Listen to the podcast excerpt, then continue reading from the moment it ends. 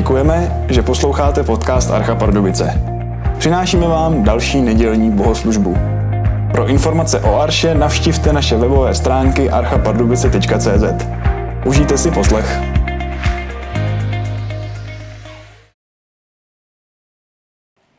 A my se dostáváme ke čtení z Bible.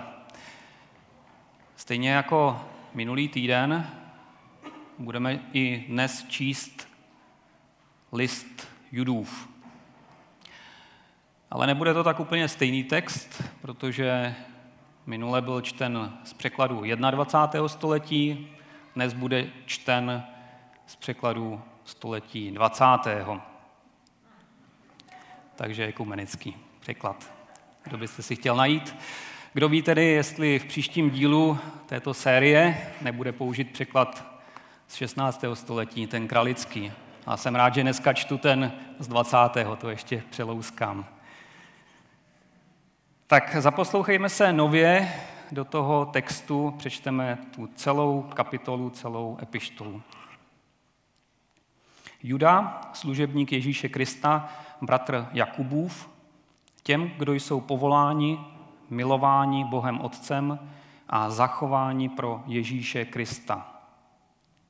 Milosrdenství, pokoj a láska, ať se vám rozhojní.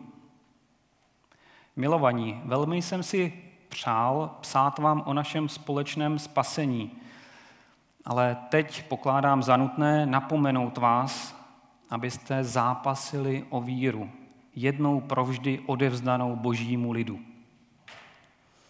Vloudili se totiž mezi vás někteří bezbožní lidé, zapsaní už dávno k odsouzení, kteří zaměňují milost našeho Boha v nezřízenost a zapírají jediného vládce a našeho Pána Ježíše Krista. Chci vám však připomenout, třeba že to všechno již dávno víte, že hospodin sice vysvobodil lid z egyptské země, potom však zahubil ty, kteří neuvěřili. Také anděli, kteří si nezachovali své vznešené postavení, ale opustili určené místo, drží ve věčných poutech v temnotě pro veliký den soudu. Podobně jako oni, i Sodoma, Gomora a okolní města se oddali smilstvu, propadli zvrhlosti a jsou nám výstražným příkladem trestu věčného ohně. Podobně i tito blouznici poskvrňují své tělo, žádnou autoritu neuznávají, nad pozemským mocnostem se rouhají.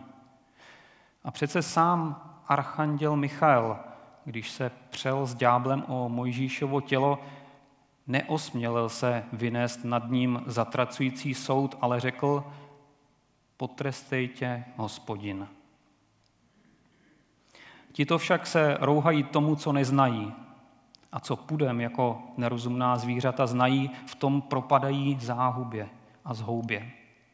Běda jim, neboť se dali cestou Kainovou a jako Balám se nechali svést úplatkem a jako Kore zahynuli pro svou spouru. Ti jsou úskalím vašeho bratrského stolování, když s vámi hodují bez bázně před Bohem. A jsou jako pastýři, kteří pasou sami sebe. Jsou jako mraky bez deště, hnané větrem, podzimní stromy bez ovoce, dvakrát mrtvé a vykořeněné. Divoké vlny mořské, vyvrhující své vlastní hanebnosti, bludné hvězdy, jimž navěky je připravena nejčernější tma. Prorokoval také o nich Henoch, sedmý od Adama.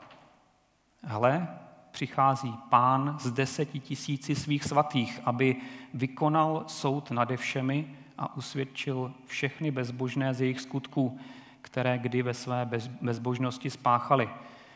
I ze všech spupných řečí, které tito, tito hříšníci mluvili proti němu.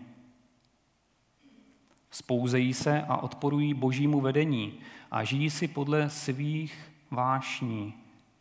Jejich ústa mluví na dutě a lichotí lidem pro svůj prospěch. Ale vy, milovaní, Pamatujte na to, co předpověděli apoštolové pána našeho Ježíše Krista.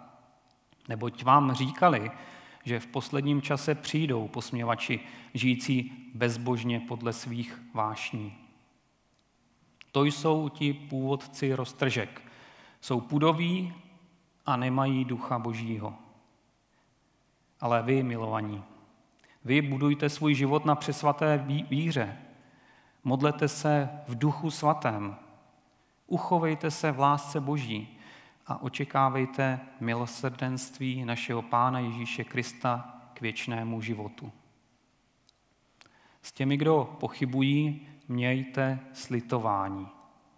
Zachra- zachraňujte je z hořícího ohně.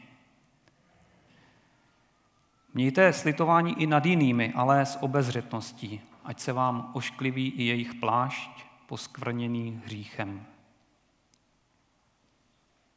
Tomu pak, který má moc uchránit vás před pádem a postavit neposkvrněné a v radosti před tvář své slávy, jedinému Bohu, který nás spasil skrze Ježíše Krista, našeho Pána, buď sláva, velebnost, vláda i moc především časem, i nyní, i po všecky věky. A tady ten list je zakončen Amen. Než k tomu i my řekneme své amen, tak eh, věřím, že s napětím budeme teď poslouchat eh, výklad eh, tohoto zajímavého listu. A ještě než ho budeme poslouchat, tak zaspívejme písničku 325 z našich kancionálů. Nic nečistého nesmí být, kde Bůh náš přebývá. A potom už poprosím, aby přišel náš bratr kazatel Roman Neumann a tento text nám vyložil a vůbec nám řekl, co má na srdci, například o tomto zrcadle, které, jak jsem se dozvěděl, nepatří skupince, podobně jako odposlech, tak nějaký odkuk, ale bude použito pro dnešní kázání. Tak s napětím očekáváme, co nám bude řečeno a chceme na to reagovat. S kterými jste tady v Arše, i těm, kdo nás sledují přes YouTube kanál. A tak, jak Marek říkal, navazujeme na to, kde jsme se zastavili už minule, takže nebojte, nebude to výklad celého listu Judova, protože už minulou neděli jsme měli první čtyři verše, takže dnes eh, se podíváme od 5. do 16. verše jenom. A ještě než to uděláme, tak bych rád vyjádřil takovou obrovskou vděčnost za ty všechny lidi, eh, kteří slouží v této době. Ať to je skupinka, ať to jsou lidé, kteří právě teď se věnují dětem, ať to jsou lidé, kteří nás doprovází ve zpěvu, ať to jsou lidé, kteří se starají o to, aby tady bylo teplo, anebo abyste spolu mohli zakusit dobrou vůni kávy po bohoslužbách. Tak to je velká vděčnost eh, všem těm eh, lidem a pojďme se teď eh, modlit, aby nám Pán Bůh pomohl s tím letím textem. Drahý nebeský Otče, děkujeme ti za Ježíše. Děkuji ti, že jsi Bohem, který volá, který miluje a který zachovává. Děkujeme ti za tyto pravdy a prosím, abychom mohli tvému slovu porozumět a žít ho. Amen.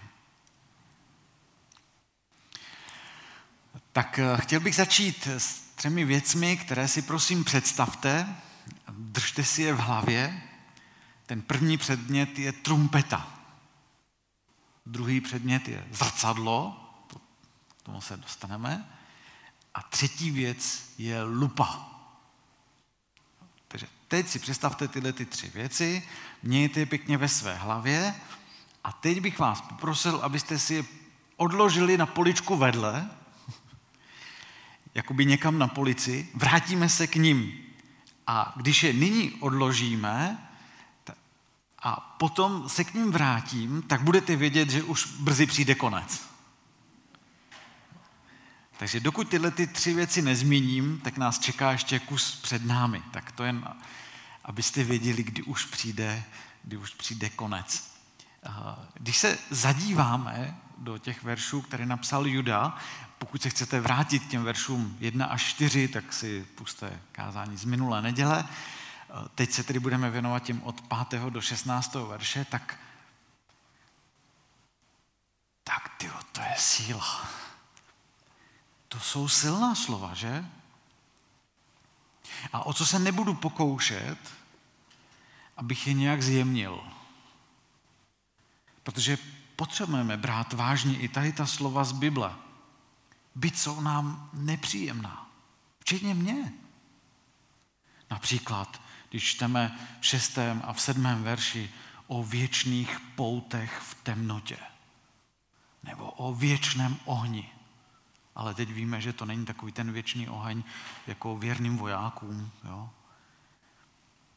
Tak nevím, jak na to reaguješ, ale myslím si, že většině z nás to nedělá moc dobře.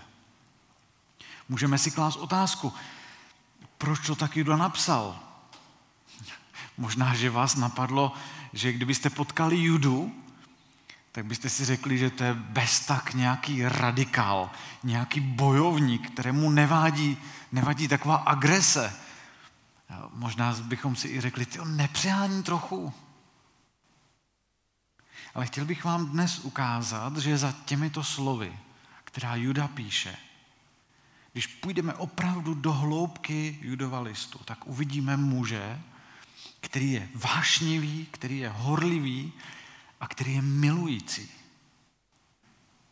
Proto varuje boží lidi, protože je má rád.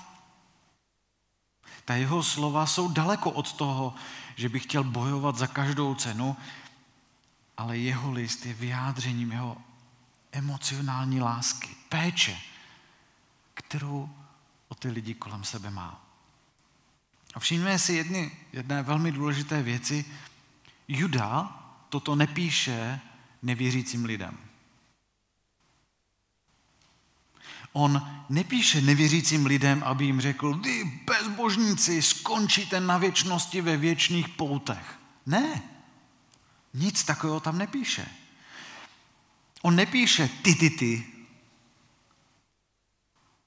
ale Juda to píše o lidech a mluví o nich jako těch lidech a, a adresuje to celé církvi.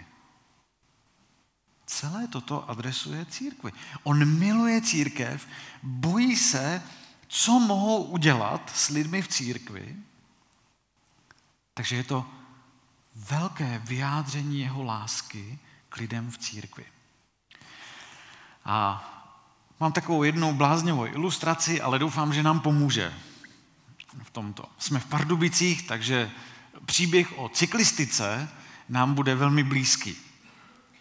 Nevím, jestli jezdíte na kole, doufám, že ano, ale i když nejezdíte, tak to nevadí. Představte si teď, Milana správně jezdí. Milan správně jezdí, vždycky jezdí správně. Dává přednost chodcům na přechodech, zastavuje na semaforech a dokonce i tehdy, když jede sám, když jede docela rychle a najednou na semaforu před ním blikne červená, tak ano, zastaví. Jo, to je Milan správně jezdí. Samozřejmě taky ho to otravuje, ale zastaví.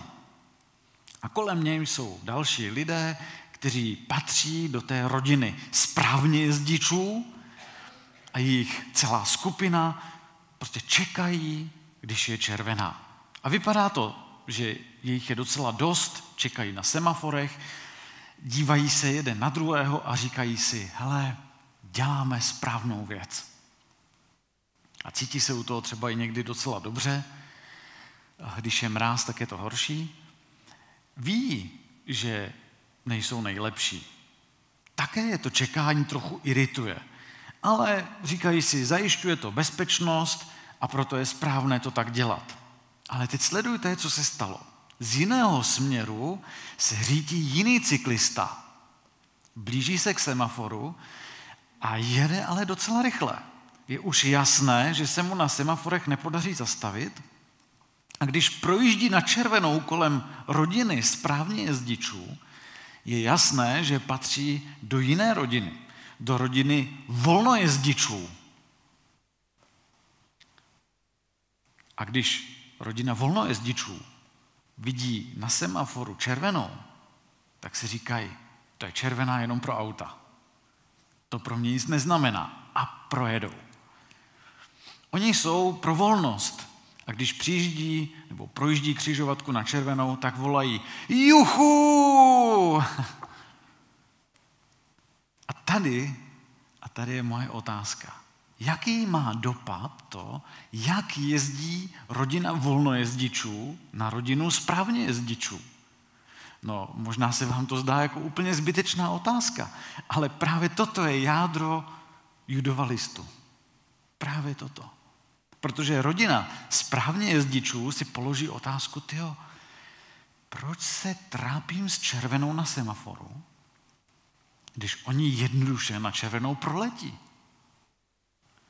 Proč se s tím zalamuju? A tak začne proces, ve kterém Milana správně jezdí, zvolní a začne občas jezdit na červenou. A právě proto Juda píše tenhle ten dopis. Protože v této církvi byla skupina křesťanů, která začala následovat Ježíše. Ano, byli povoláni, milováni, zachováni, to jsou ty verše 1 a 4. Ano, a život je pro ně někdy těžký, ale je to správné. Je to náročné následovat Ježíše. Říkají ne věcem, které jsou špatné. Dokonce, když se dostanou na semafor a je tam červená, tak by také nejraději projeli. Ale kladou si otázku, co by udělal Ježíš. A proto jsou schopni říct ne špatným věcem. Byl jsem povolán, milován, jsem zachován pro Ježíše Krista a já nechci jít v životě špatným směrem. A protože jsem Ježíšem milován, tak i svoji lásku k němu vyjadřuji tak, že chci žít správně, tak jak chce on. Ale v tom přijde někdo, kdo jede z kopce, z kopce dolů a volá, juhu, Bůh je plný lásky, Bůh je plný milosti a jemu je jedno, jak žiješ. Bůh tě přece miluje. My volnojezdiči můžeme jezdit jak se nám líbí.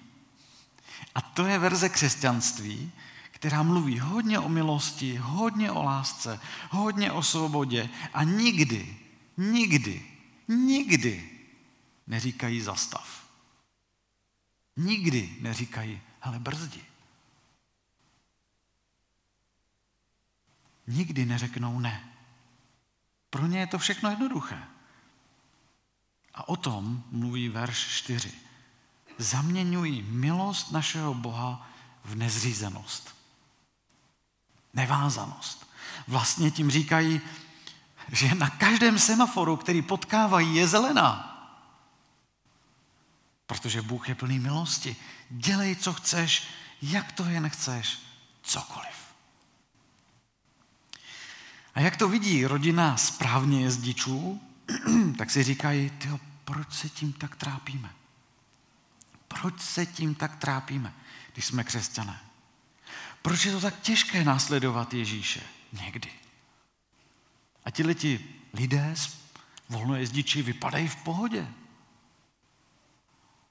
Proč procházím odříkáním? K čemu to celé je? Proč se třeba trápím v manželství? Proč se trápím, že bojuji o čistotu? Proč se trápím s tím, že žiju obětavě pro druhé? Proč se s tím tak mořím? A přátelé, a to je ten důvod. To je přesně ten důvod, proč Juda píše tento dopis. On je chce ujistit, chce církev pozbudit k tomu, že to má cenu žít pro to, co je správné. Juda jim říká, hele, něco vám řeknu o volnojezdičích. Vypadá to jako svoboda, ale není to svoboda. A to je důvod, proč používá tak silná slova. Podívejte, jsem tatínek a když jsem se snažil dětem vysvětlit, jak jezdit na kole, tak co jako tatínek mám říct? Hele, musím jim říct pravdu. Musím vám říct o některých lidech, kteří jezdí na červenou. Výhoda byla, když jsme vyrůstali, nebo když děcka vyrůstali v Krupe, tam žádné semafory nebyly, takže tohle jsme probírat vůbec nemuseli. Ale musím jim jako tatínek říct, ale může se něco stát, musíte jezdit opatrně na silnici. Ne všichni dodržují předpisy. A, a to, když řeknu, tak to přece není nic špatného. Ta pointa toho, když jim to říkám jako tatínek, je, že je mám rád, záleží mi na nich, protože nechci, aby skončili pod koli auta. Proto jim chci říct pravdu o červené na semaforu. Protože se snažím před něčím vážným varovat. A, a mohu jako tatínek použít i obraznou řeč. Hele, nemusí to skončit jenom s odřeným kolenem. A o to tady Judovi jde. Nemůže to skončit jenom s odřeným kolenem. Takže Juda používá silná slova, aby varoval. Juda chce, aby v tom církev měla jasno, že záleží na tom, jak žijeme. Že záleží na semaforech. Že je tady něco, za co stojí za to žít. A Juda to dělá, aby demonstroval, kam taková svoboda vede. Takže to je vlastně celý takový velký bod pro dnešek, proto to dnešní kázání jsem nazval Zastav se, když svítí červená. A teď, teď se podíváme, teď si otevřete Bible, teď půjdeme pěkně od toho 5. verše do 16. verše dál. Nejdřív se vám pokusím ukázat celou strukturu toho oddílu. Uh, uvidíme ji tady na plátně. Ta struktura celého oddílu, který jsme četli, je tak, že tam můžete vidět tři starozákonní příklady, to jsou verše 5 až 7. Potom Juda říká, tito lidé jsou jako oni, verš 8, pak přidá jeden zvláštní příklad o tom, jak se archanděl Michal přel s ďáblem o Mojžíšovo tělo, tak trochu zvláštní, že? To je devátý verš. A Juda znovu říká, tito lidé jsou jako oni. Potom přichází další tři starozákonní příklady, to je v jedenáctém verši. A Juda znovu říká, Tito lidé jsou jako oni, to je ve 12. a 13. verši, a potom přichází další, tak trochu zvláštní příklad, verš 14 až 15, a Juda znovu říká, tito lidé jsou jako oni, verš 16. Tak to je ten důvod, proč to dneska máme od 5. do 16. verše. A jak vidíte, budeme si muset to projít trochu z rychlíku, protože je to hodně, takže omlouvám se pro ty z vás, kteří by se chtěli moc jako podívat do těch jednotlivostí, jednotlivých příběhů, tak na to dneska nebudeme mít čas. A na druhou stranu to si myslím, že bude dávat smysl. Některé z těch příběhů možná budete znát, některé možná ne, protože ani nejsou v Bibli. To vysvětlím, až se k tomu dostaneme. Ale ta pointa, proč to Juda takhle píše, je, aby zvýraznil důkazy. Proto si dává Juda tolik příkladů, abychom to, jak byste chtěli, cítili na vlastní kůži. Jo? Jako, aby nám naskočila husí kůže. Znovu a znovu. Je to takto. Nebo takto, říká Juda a přináší další a další důkazy o tom, co říká. A celé to směřuje k tomu, že když se člověk vzepře Bohu, tak nemá úniku před soudem. A v podstatě všemi těmhle tím příklady říká Juda, lidská vzpoura nepřinese únik před božím soudem. Může se to tvářit jako svoboda, ale svoboda to není.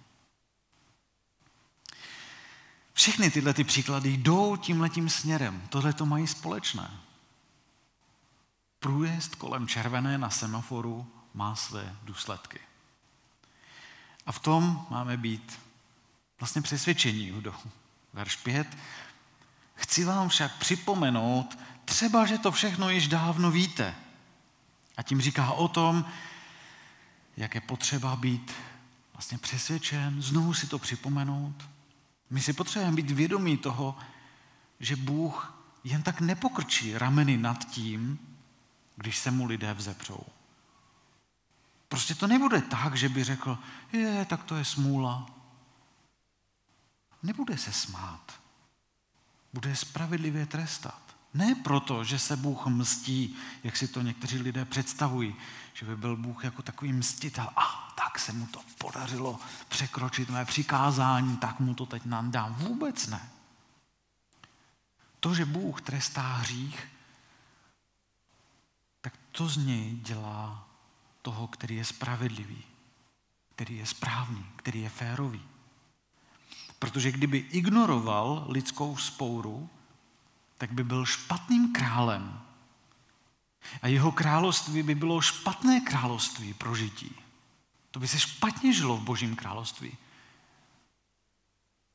Ale on hřích nepřechází. Takže pojďme si nyní teď ty příklady projít a půjdeme rychle. Takže verš 5, vysvobození z Egypta.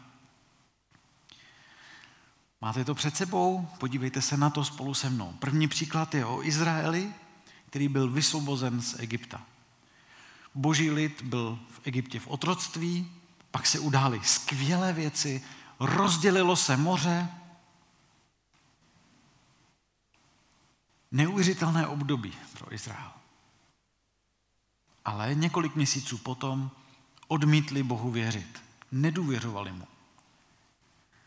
Takže máme před sebou obrázek úžasného vysvobození, tak moc zakusili boží moc a když jim Bůh řekl, chci, abyste obsadili zaslíbenou zem, tak řekli, o, nemůžeme.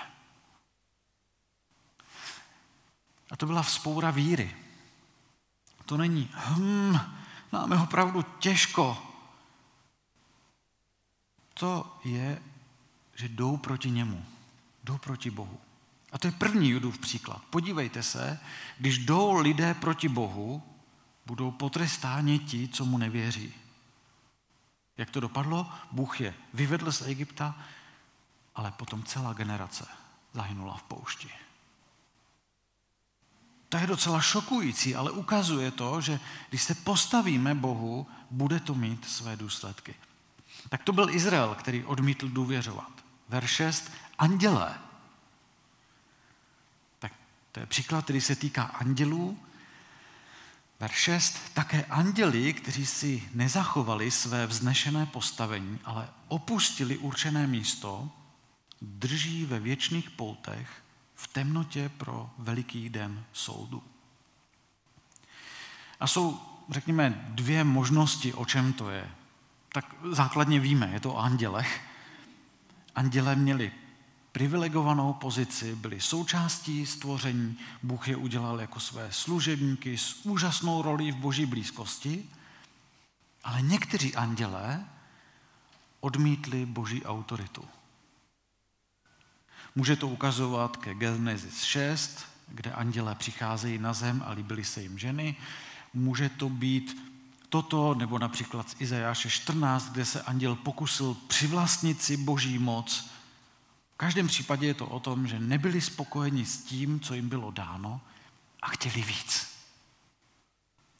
Ale podívej se, i když to byli andělé, i když to byli andělé, byli potrestáni. To nezůstane bez trestu. Čteme tam, Bůh je drží ve věčných poutech v temnotě a čekají na veliký den soudu. Takže když oni neunikli trestu za vzpouru, jak může uniknout člověk? A takhle Juda staví argument dál a dál. Takže pojďme na další. Verš 7, Sodoma a Gomora. Podobně jako oni, i Sodoma a Gomora a okolní města se oddali smilstvu, propadli zvrhlosti a jsou nám výstražným příkladem trestu věčného ohně. Když čteme starý zákon, tak jsou určitá místa, kde jasně blikají červená světla. Tudy ne, přátelé, tudy ne. Bůh řekl, ale manželství je skvělá věc, je to způsob, jak si můžete užívat sexu. Sex je pro manželství mezi jedním mužem a jednou ženou. To je bezpečné, správné místo pro sex. Sodoma a Gomora? červená světla, hurá, dělali si, co chtěli a tam seděli. všelijaké sexuální praktiky, homosexuální sex, skupinový sex, všechno možné mimo toho, co Bůh řekl. A mysleli si, že na to mají právo. Ale podívejte se se mnou. Do toho verše 7 jsou nám výstražným příkladem trestu věčného ohně. Oni zakusili boží soud. Lidská rebelie proti Bohu přinese boží trest. Znovu a znovu nám Juda dává toto varování. Juda jako dobrý pastýř, který miluje své lidi, kteří jsou mu tak vzácní. Proto je chce varovat. Takže teď říká Juda v osmém verši. Podobně i tito blouznivci, to se dostáváme k tomu tito, podobně i tito blouznivci poskvrňují své tělo, žádnou autoritu neuznávají, nad pozemským mocnostem se rouhají. Dělají třeba to, co se dělo v Sodomě a Gomoře, co padli anděle nebo rebelující Izrael. Juda říká, takový jsou. Nebuď hloupý, aby si jim skočil na lep. Na první pohled to vypadá, že rodina volnojezdičů je v pohodě. A když přicházejí do církve, tak říkají, je, to berete moc vážně žít takhle. No tak, zakuste svobodu, odvažte se. Juda ale pokračuje dál, verš 9, příklad s archandělem Michaelem. Juda říká, nebuď blázen, jsou to lháři. A říká Juda, dovolte mi tady udělat zase další zastávku. Podívejme se, co nám k tomu říká příchoda s archandělem Michaelem. Verš 9. A přece sám archanděl Michal, když se přel s ďáblem o Možíšovo tělo, neosměl se vynést nad ním zatracující soud, ale řekl, potrestejte hospodin. Zajímavé, že? O čem to je? Je to příběh, který není přímo v Bibli. Ale to je OK. Mnoho věcí, které jsou v Bibli, přichází mimo Bible. A potom se staly součástí Bible, protože to je pravda. Takže pojďme přemýšlet, o čem je tenhle ten příběh s Archandělem Michálem. Co se tam děje? Velký vůdce Mojžíš je mrtvý a Satan ho obžalovává. To je to, co Satan dělá pořád. Zjevení 12.10. Satan jakoby říká, ne, Mojžíš nemůže jít do nebe, protože jednoho zavraždil a nedůvěřoval Bohu. Prostě všelijaké takovéhle věci Satan bude vždycky obžalovávat. Žaluje a žaluje. To Satan dělá rád.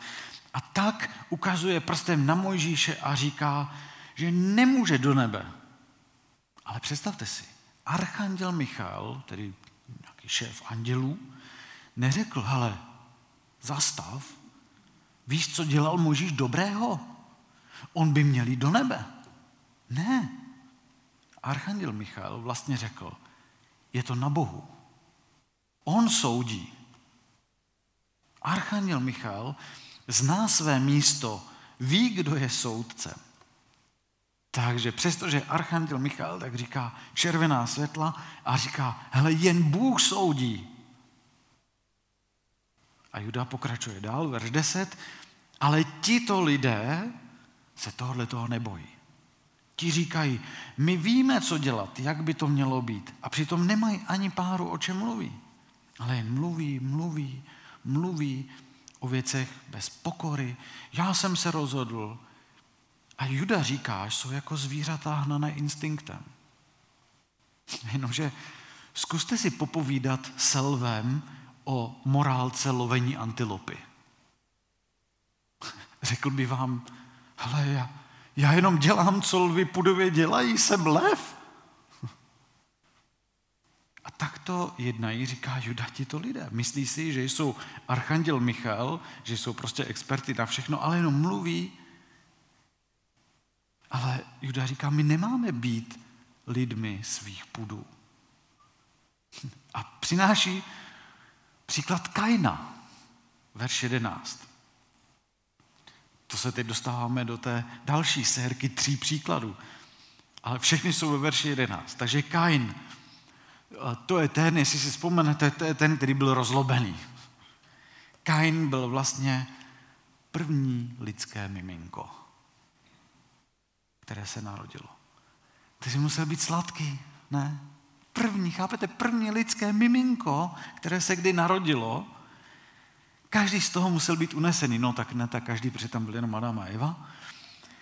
Ale když se na něj dívali, je, nejsou ty prstíčky tak sladké, takový malinký. Co z něj asi bude? Vrah. První lidské miminko je vrah. A to asi něco říká, že? To trápení, které svět prožívá s násilím, vraždami, to je něco, s čím se po vzpouře proti Bohu už rodíme. Je to smutné, přátelé, ale jsme tam. Kain měl bratra Ábela, oba přinesli Bohu oběti. Ábelovu oběť Bůh přijal, ale Bůh nebyl potěšen Kainovou obětí. Asi protože Kain nepřinášel oběť s vírou. A potom řekl Kainovi, ale nebuď rozlobený. Dělej dobro a budeš přijat. Takže červená světla říkala, nebuď rozlobený, nejdi tímhletím směrem, jdi tímhletím směrem. Ale on ne. Šel a na poli zavraždil svého bratra. A znovu to můžeme vidět. To opakování, jak se člověk vzpírá Bohu. Bůh říká, brzdi, brzdi, červená světla. A ne, já si to udělám po svém. Kain v podstatě Bůh řekl, to si nech pro sebe, já to vyřeším po svém.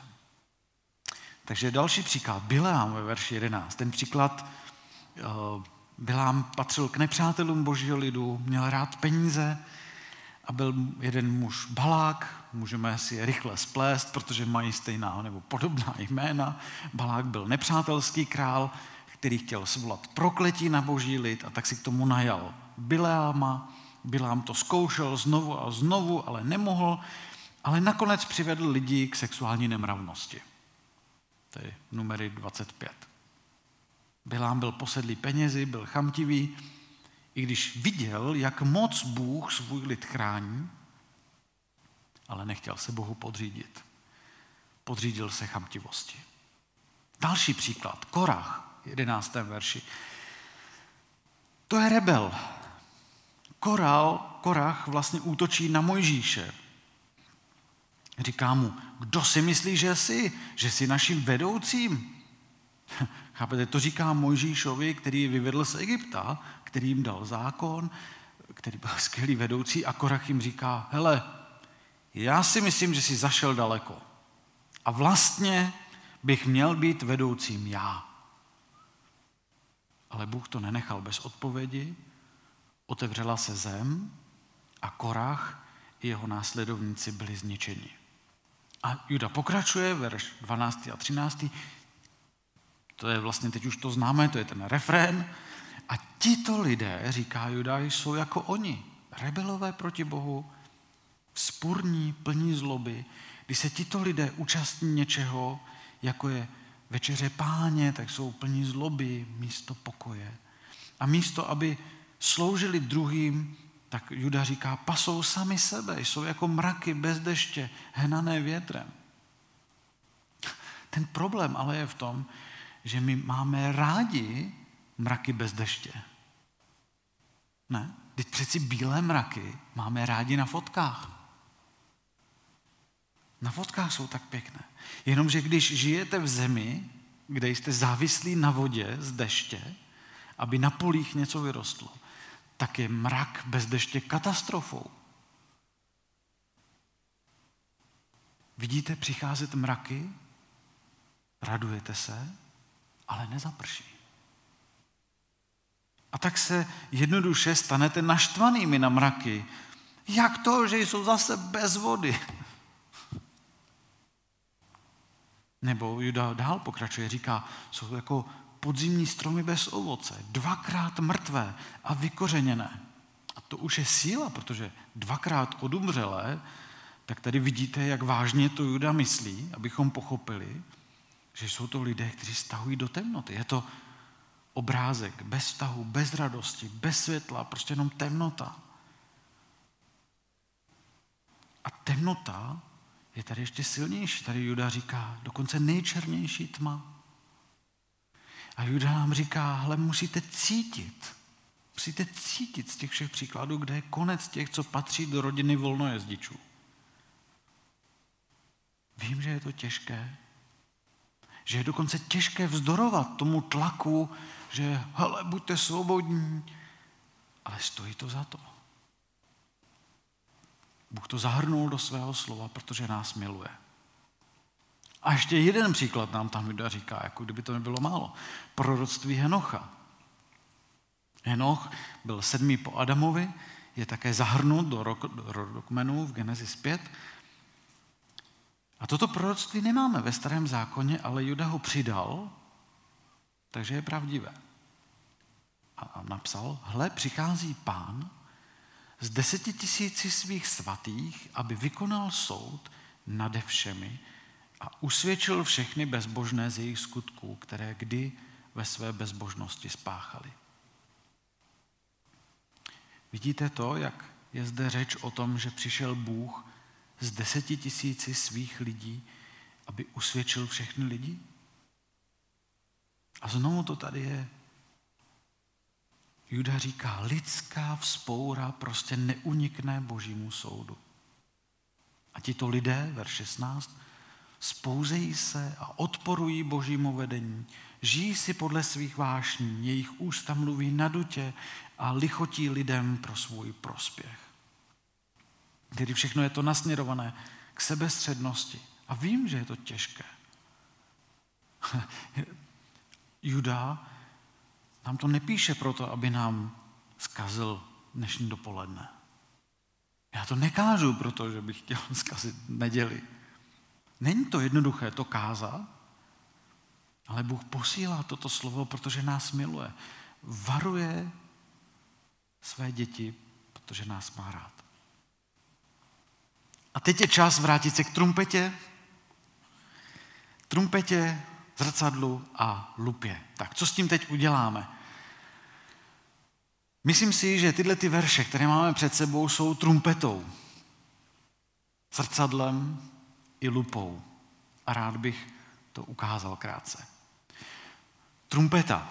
Vojáci používají trumpetu k budíčku nebo při varování, teda aspoň kdysi to tak bylo, že se blíží nějaké nebezpečí. A Juda k nám přichází jako posel s trubkou a říká, hele, nechoď přes cestu, když svítí červená. Jo. Prostě spamatuj se, spamatuj se, nedělej to. Nenásleduj takovou cestu. Nenaslouchej takovým lidem, kteří ti říkají, že to je v pohodě. Ano, žijeme ve 21. století a to umožňuje celou řadu věcí. Například i to, že když nebudete mít rádi takovéto kázání, tak si můžete najít, vybrat si z nabídky jiných sborů. A určitě garantuji vám, že najdete takové, která budou říkat, že to, co kážu, není pravda. To je naprosto bezpečné. Není problém v tom najít církev, která řekne, ale na tom přeci nezáleží. Můžeš najít církev, která ti potvrdí tvůj jakýkoliv názor. Úplně jakýkoliv. Můžeš najít církev, která řekne, víš, Bůh se nezajímá o tvoji sexualitu. On se vlastně nezajímá o sex, to je trochu staromódní. Můžeš být křesťána, úplně klidně můžeš být, praktikovat homosexualitu. A proto nám Juda píše, hele, to jsou lháři, kteří lžou, protože to zní lépe. A toto ti chci říct, ta trumpeta nás má probudit k tomu, že je to vážné. Možná je to pro někoho dnes dopoledne důležité, možná jen proto jste se sem dnes dostali, nebo nás posloucháte, abyste slyšeli, nebuďte takový bláznivý, neposlouchejte jen pěkné řečičky. Trumpeta nám říká, buď bdělí před těmi, co říkají, já jsem křesťan a myslím si, že si toto klidně můžeme dělat. Volno jezdič. Každý semafor je zelená. Buď opatrný. Druhé je zrcadlo. Protože to není jenom text, který mluví o lidech kolem. A my jsme ti dobří. Jo, že tak, tak dobrý. Ne. Tenhle ten text nám odkrývá zákoutí našich srdcí. Když se podívám do zrcadla, tak co vidím? Protože zloba, chamtivost, touha být prvním, není to nic, co má společného se mnou, co má společného s tebou. Nevidíte, že tihleti lidé jsou tak trochu v každém z nás? Že přece někdy máme takovou tendenci si věci omlouvat. Je, ale to není tak zlé. Vím, že to není dobrý, ale ty okolnosti a tak. My potřebujeme toto zrcadlo. Měli bychom to poctivě reflektovat. Ano, mělo by nás to jako trumpeta varovat, ale také odhalit naše nitro. Nevím, jaké je pro tebe největší nebezpečí, ale Boží slovo nám odhaluje, co je v nás. Zastav se, když svítí červená.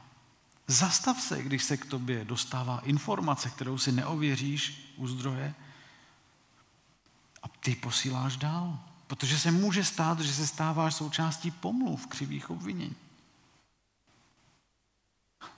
A potom máme lupu.